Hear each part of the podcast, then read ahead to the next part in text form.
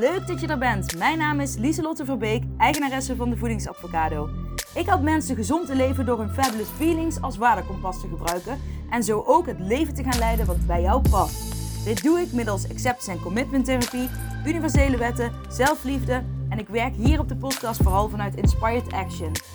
Ik wil je inspireren en helpen wel die veranderingen te maken in je leven. Ben je er klaar voor? Woehoe! Let's go! Yo, leuk dat je weer intuned. Leuk dat je er weer bij bent. Welkom. Ik ben dankbaar voor jou. Ik ben dankbaar voor jou als luisteraar. Dus dankjewel dat je er weer bent. Ehm, ja, ik ben nog steeds bezig met mijn podcastmarathon uh, opname. Ik ben nu met de uh, vijfde bezig, geloof ik. Even kijken. Ik ga het gewoon even tellen. 1, 2, uh, 3. Ja, met de vijfde. En um, ik wil meteen even beginnen met het benoemen dat ik een, uh, ik weet niet, een paar afleveringen terug, uh, of ik dat, wanneer ik dat precies heb gezegd, maar toen zei ik, mijn podcast zal al bijna twee jaar bestaan. Nou, ik heb het even opgezocht, hij bestaat al twee jaar, want dat was 20 juli namelijk. Dus um, ik heb het niet gevierd. dat is echt super stom. Dus wellicht dat ik er nog op terugkom na de zomervakantie om het, wel, om het alsnog te vieren met jullie. Want um, zulke successen mogen gevierd worden. Dus ik heb het wel al genoteerd in mijn agenda voor 2023. Dat ik, uh, dat ik dan een melding krijg van je podcast bestaat drie jaar. Dus, uh, maar laten we het nu even houden op de twee jaar. Um, en uh, ja, ik werd even afgeleid. Ja, ik ben dus net uh, binnen een banaan wezen halen. Die heb ik gegeten. En ik zag mijn zoon, iedereen zat op de bank. De meiden waren film aan het kijken. Mijn man was aan het slapen. Ja, dutten. En uh, mijn uh, zoon was zat op zijn, op zijn uh, telefoon.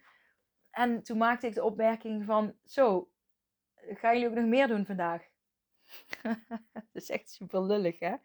Maar, um, en toen zei mijn man... Nou ja, we zitten echt net twee minuten hier. En, we hebben de hele tijd andere dingen gedaan. En toen dacht ik, ja... Dat is ook super irritant, Lieslot. Dat je dan iedereen doet dat, hè, maar dat je meteen een oordeel hebt. Dus je ziet iets en je hebt er meteen een oordeel over. Oh, dus dan zullen ze wel, gaan jullie vandaag ook nog iets anders doen? Hoezo moet ik zo lullig zijn? Wat is dat nou voor taal? Hè? Dus um, ik ga daar sowieso bewuster op letten. Um, dat ik niet uh, dingen invul terwijl ik de hele context niet weet.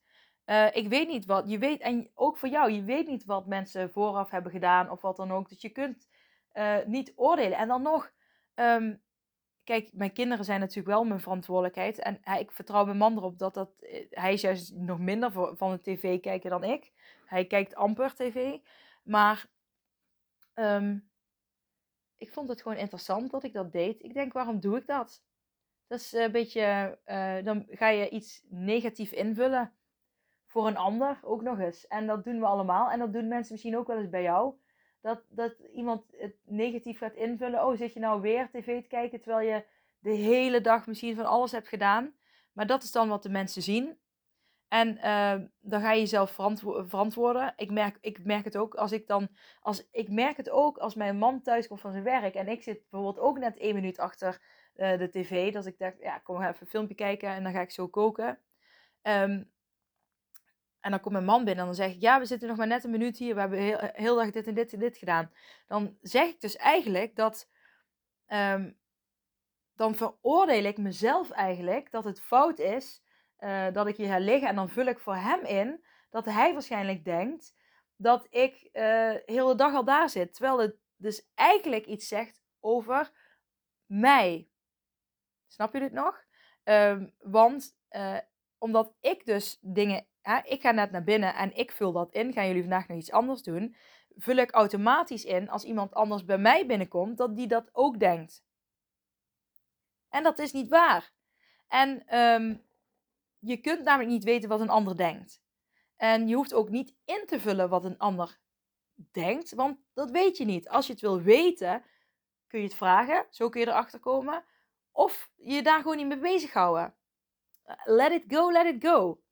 Um, nou ja, dat vond ik uh, even interessant om uh, vooraf uh, te mededelen, mede te delen.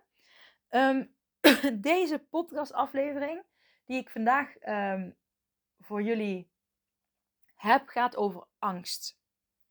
Maar wel een interessante en waardevolle. En dit, je hoeft niet een angststoornis te hebben of wat dan ook, net zoals ik heb, om deze podcast te beluisteren, want iedereen ervaart angst. Um,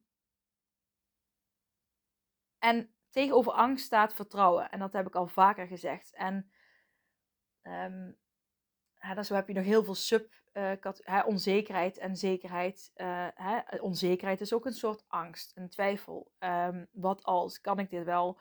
Um, ga even anders zitten. Maar vraag jezelf, stel jezelf eens deze vraag. Diep van binnen ben ik bang dat. Wat komt er in je op? Diep van binnen ben ik bang dat. Nou ja, als ik die vraag aan mezelf stel, dan denk ik wel eens diep van binnen ben ik bang dat ik niet genoeg uit het leven heb gehaald als ik straks er niet meer ben.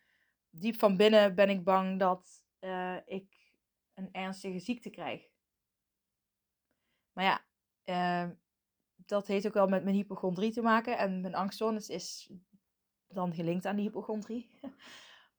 en um, uh, laatst las ik ook ergens van, hè, wil je gezond leven uit angst of uit liefde voor jezelf? En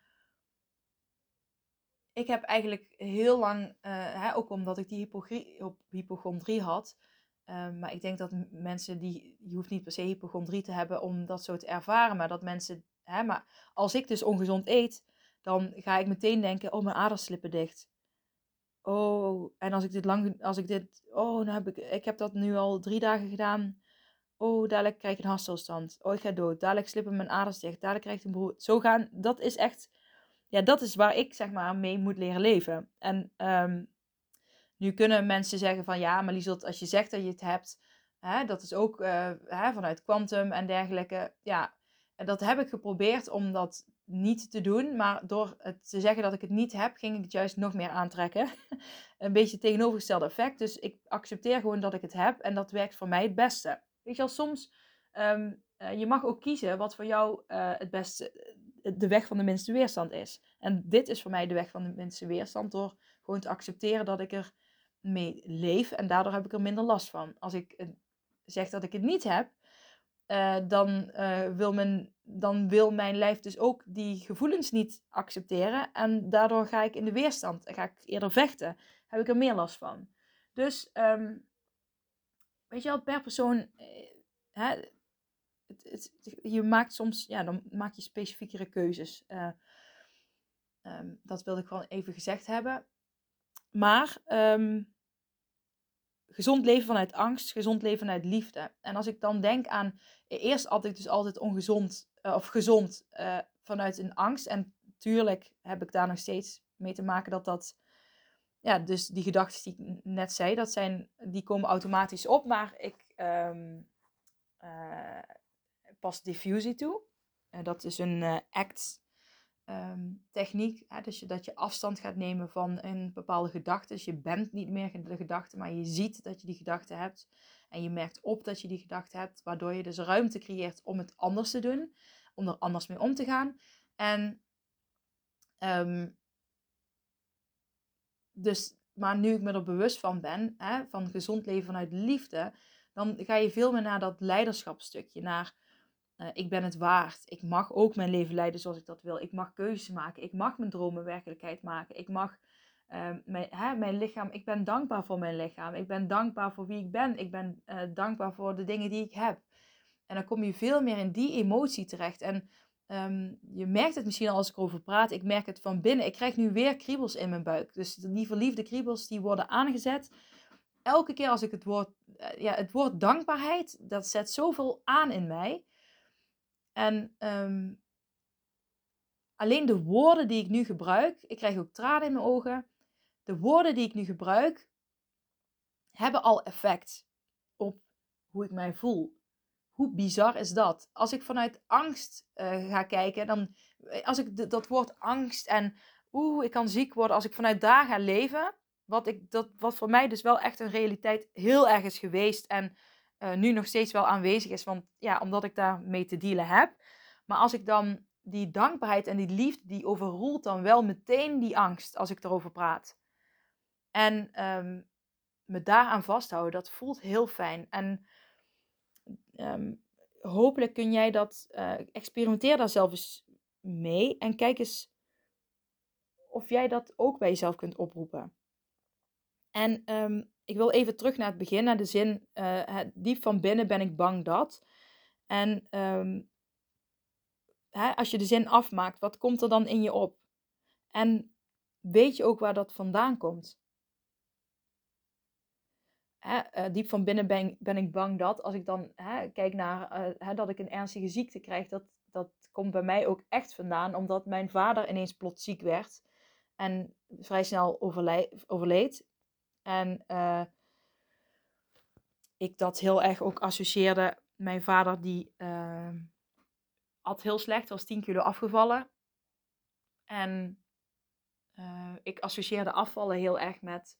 Um, als je snel afvalt, associeerde ik met ziek zijn.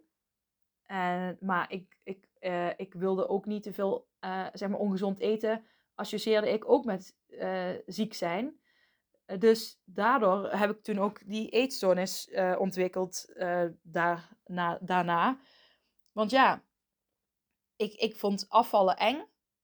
En uh, ongezond eten gaf ook, ja, dus ik mocht echt gewoon, nou ja, je kunt niet 100% gezond en um, eten, maar goed fout, daar, dat laten we even buiten beschouwing.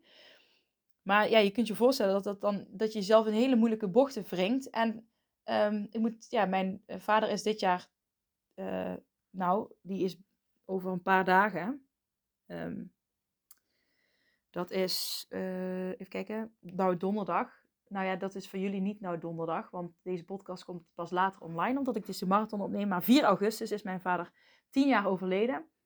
En um, ja, heel bizar dat het al 10 jaar is. 2012 is hij overleden. En mijn zoon is nou ook pas 10 geworden. Dat, die, dat is allemaal bij elkaar. Um, tien dagen voor de geboorte kregen we te horen dat hij ernstig ziek was. En een paar weken daarna is hij dus overleden. Dus dat was een hele heftige periode.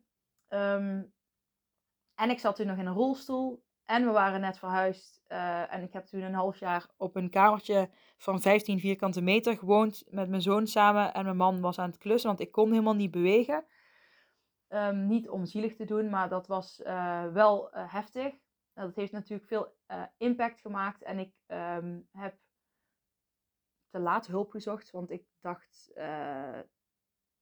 nou ja, ik, ik dacht van het leven is nu eenmaal zo somber. Het, ja, dat, het leven is zo somber. Ik dacht echt, dit is het. Mijn zoon was wel mijn zonnestraaltje, maar ik dacht dat het gewoon niet anders kon dan dat.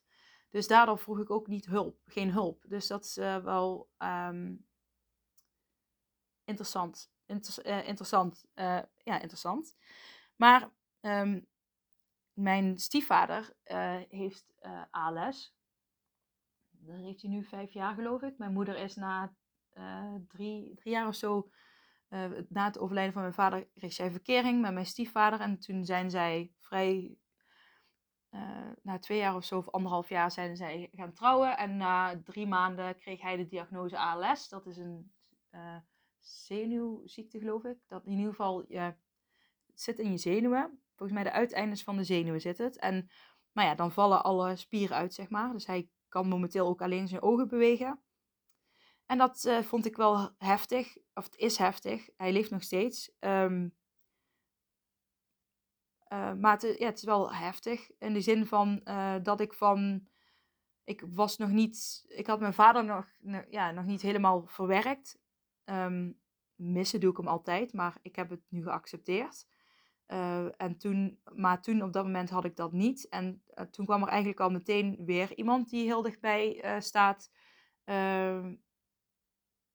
Ehm, ja, dat je dat van dichtbij moet meemaken, hoe iemand lijdt en ziek wordt. En dat je hulpeloos en machteloos erbij staat en niks kunt doen.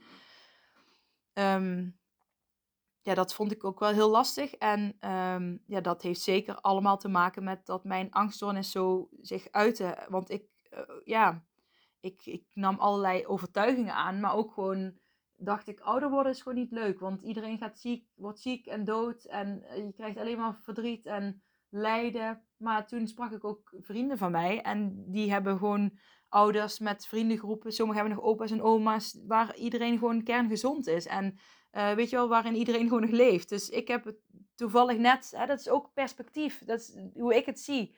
Maar um, dat wil niet zeggen dat dat de waarheid is. Dat het altijd zo is en moet zijn. En ik heb mijn stiefvader ook ooit gevraagd om hem te interviewen voor mijn podcast, omdat hij toch wel uh, heel bijzonder hoe hij um, ja, daarmee omgaat. Ik vind het heel knap hoe hij het doet. En zeker omdat hij al drie, vier, drie jaar, vier jaar, ja, eigenlijk alleen maar amper buiten zijn huis komt. Eigenlijk niet.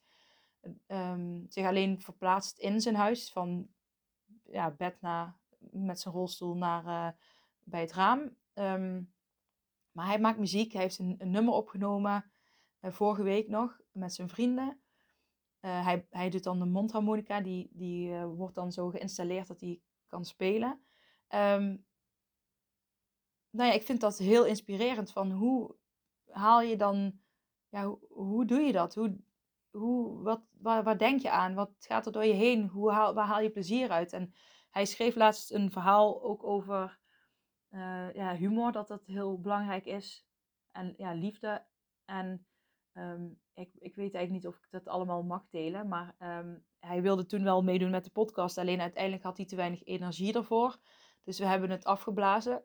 Dus ik denk dat hij het wel oké vindt dat ik dit uh, heb gedeeld. Ik zal het voor de zekerheid even vragen. Anders haal ik uh, de podcast gewoon eraf. Um, of knip ik het er even uit. Um, maar ik vond het heel inspirerend. En zeker als met iemand als angststoornis, van hoe, hoe doe je dat? Ik zou echt alleen bang in een hoekje liggen. En hoe kan jij lachen? Hoe kan jij plezier halen uit je dag? En dan, ik vind, eh, weet je wel, ik vind dat gewoon zo knap en, uh, dat, en sterk dat iemand dat dan kan. Um, ja, dat. Maar goed, dat is dus uh, dat is dus bij mij, als ik dus die vraag van het begin beantwoord, wat allemaal invloed daarop heeft. En dan ook, je hebt natuurlijk ook reacties van mensen om je heen. Hoe gaan andere mensen ermee om? Um, hè, wat, heb, wat, hoe, wat heb jij aangeleerd uh, vroeger? Hoe je met zulke dingen om moet gaan? Wat heb jij hè, van je ouders meegekregen? Dat zijn allemaal dingen die invloed hebben op hoe jij met bepaalde dingen omgaat. Um, uiteindelijk, um, nou ja, dat heb ik besproken. De, wat ik hier heb, leef je gezond angst of liefde. Nou ja, uiteindelijk gaan alle angst die je hebt, kun je terugkoppelen aan de angst om dood te gaan, om alleen dood te gaan. Dat is de, de meest voorkomende um, angst uh, van de mens. Um, nou, en ik heb dus wat uh, zoekwerk gedaan uh, over voeding en angst. Ik dacht, dat is misschien wel een leuke. angst slurpt magnesium op en uh, het is dus goed om magnesiumrijk te eten, magnesium eventueel als supplement toe te voegen. Dan mag ik dat als gewichtsconsulent mag ik geen supplementen aan, aanbevelen. Maar toch zeg ik dit. vitamine B is goed om dan te slikken. Volle granen, vis, um, nou ja, of omega 3 als je geen vis eet. peultjes, dierlijke eiwitten. En als je geen dierlijke eiwitten eet in de zin van vlees dan kun je natuurlijk ook denken aan kaas en ei. Maar ook avocado en bonen vallen daaronder. Um, witte en groene thee is heel goed. Bruine rijst, um, zilvervliesrijst, zonnebloem, pitjes. Nou ja, en ze hebben allerlei stofjes die dan invloed hebben. Maar ik ga die stofjes niet allemaal benoemen, want dat, dat, weet uiteindelijk is het gewoon fijn om praktische info te hebben. Maar zonnebloempitten, pompoenpitten, sesamzaad, banaan, brood en dan wel het volkorenbrood, tropisch fruit, uh, groene groentes, aardappelen. Um, even kijken. Nou ja, en wat dus interessant is, uh, als je uh, door een verhoogd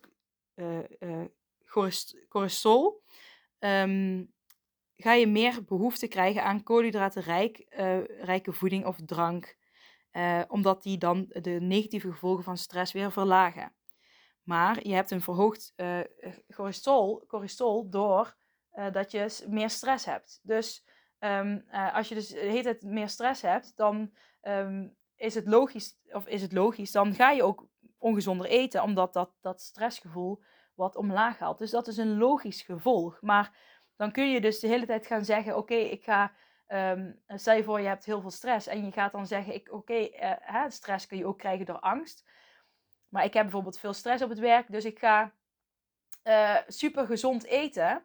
Dan kun je wel uh, door het super gezonde eten Um, uh, ga je uh, de ongezond eten maakt ook weer bepaalde stofjes aan uh, die natuurlijk niet goed zijn, wat weer stress kan veroorzaken in je lichaam. En zo blijf je in die cirkel. Dus als je dan gaat kiezen, ik ga heel gezond eten, nou dat kan wel natuurlijk positief effect hebben. Maar het is veel praktischer als je dan de bron gaat aanpakken. En dat is die stress. Want die stress zorgt ervoor dat jij die prikkel krijgt om ongezonder te gaan eten. Dus als je dan eh, die, die bron gaat aanpakken van waar, waar heb ik zoveel stress van en wat kan ik aan die stress doen, ben je ook op een andere manier uh, aan het werken om gezonder te gaan leven. En uh, bijvoorbeeld omega-3 is, heeft ook een heel positief effect op angst, want uh, die verhoogt je dopamine. En ehm, nou ja, dat is een stofje waar je weer vrolijk van wordt. Vrolijker van wordt. Hè. Dopamine zit ook vaak volgens mij in antidepressivum. Uh, dat, waardoor je, daar gaan je hersenen dat stofje ook weer meer aanmaken. Maar uh, ja, ik slik elke dag uh, omega 3, 6, 9. Nu ben ik wel, uh, eigenlijk wil ik omega 3 en 9 slikken. Dit is echt mijn waarheid, dus dit is geen medisch advies of wat, dan ook. Maar want um, ehm, 6 zit ook in, in, noten en dergelijke en dat, dat krijg ik al voldoende binnen. En in principe moet je meer omega 3 binnenkrijgen dan 6, want anders kan het weer nadelig werken. Dus um, ik ben eigenlijk een voorstander van omega 3 en 9 om die te slikken. Maar tot nu toe heb ik geen potje gevonden. Um, uh, ja, omega 3 wel, maar omega 9 heb ik nog niet losgevonden. Maar ja, dat misschien ook nog niet goed genoeg gezocht. Maar in het, uh, die omega 3, 6, 9 is wel de, de verhouding tussen 3 en 6 ook verschillend. Dus er zit veel meer omega 3 in dan 6. Dus daarin, maar ja, ik hou wel rekening van, oké, ik moet niet te veel nootjes en dergelijke eten. Um, omdat, uh, omdat daar ook omega-6 in zit. Maar, want ik slik nou die pillen ook al bij. En die moet je eigenlijk twee per dag, maar die slik maar één op een dag. Oké, ik, ik, ik wijd uit. Misschien vind je dit boeiend, misschien vind je dit niet boeiend. Maar um, uh, vitamine B is uh, goed. en dat zit ook in um, de voeding die ik net heb opgenoemd. ook in de groene groentes. magnesium is, wordt opgeslurpt. Hè? Daarom voel je je vaak ook heel moe. Dus wellicht heb je daar iets aan om um, ja, wat patronen te gaan doorbreken, net dingen iets anders te gaan doen. Um, het tegenovergestelde van angst is vertrouwen en dat zei ik net al. Um, ga eens kijken hoe kun jij gezond gaan leven vanuit liefde. Wat is dat voor jou? Wat betekent dat voor jou? En wat zou een eerste stap daar voor jou in zijn? Als je 1% liever voor jezelf zou zijn, wat zou je dan doen? Die vraag heb ik al vaker gesteld, maar die is mooi om nu te herhalen. En ik um, ga deze podcastaflevering nu afronden. Want ik heb gezegd wat ik hierover wilde zeggen. En um, laat vijf sterren achter alsjeblieft op uh, Spotify. Daar help je mij enorm mee als je mijn podcast uh, waardevol vindt en je er graag naar luistert. Of een andere feedback, review um, die je kan geven op de podcastplatform waar jij deze luistert. Ik wens je een hele mooie dag en ik spreek je snel weer. Mwah! Dag lieve jij. Hey, hallo lieve jij. Bedankt voor het luisteren naar mijn podcastaflevering. Vind je hem nou heel waardevol? Deel hem dan vooral op social media. En tag me erin. Op Instagram is dat Dieselot-Verbeek. En vergeet vooral niet 5 sterren te geven wanneer je beluistert via Spotify. Yes, dankjewel. Dag lieve jij. Tot de volgende. Doei.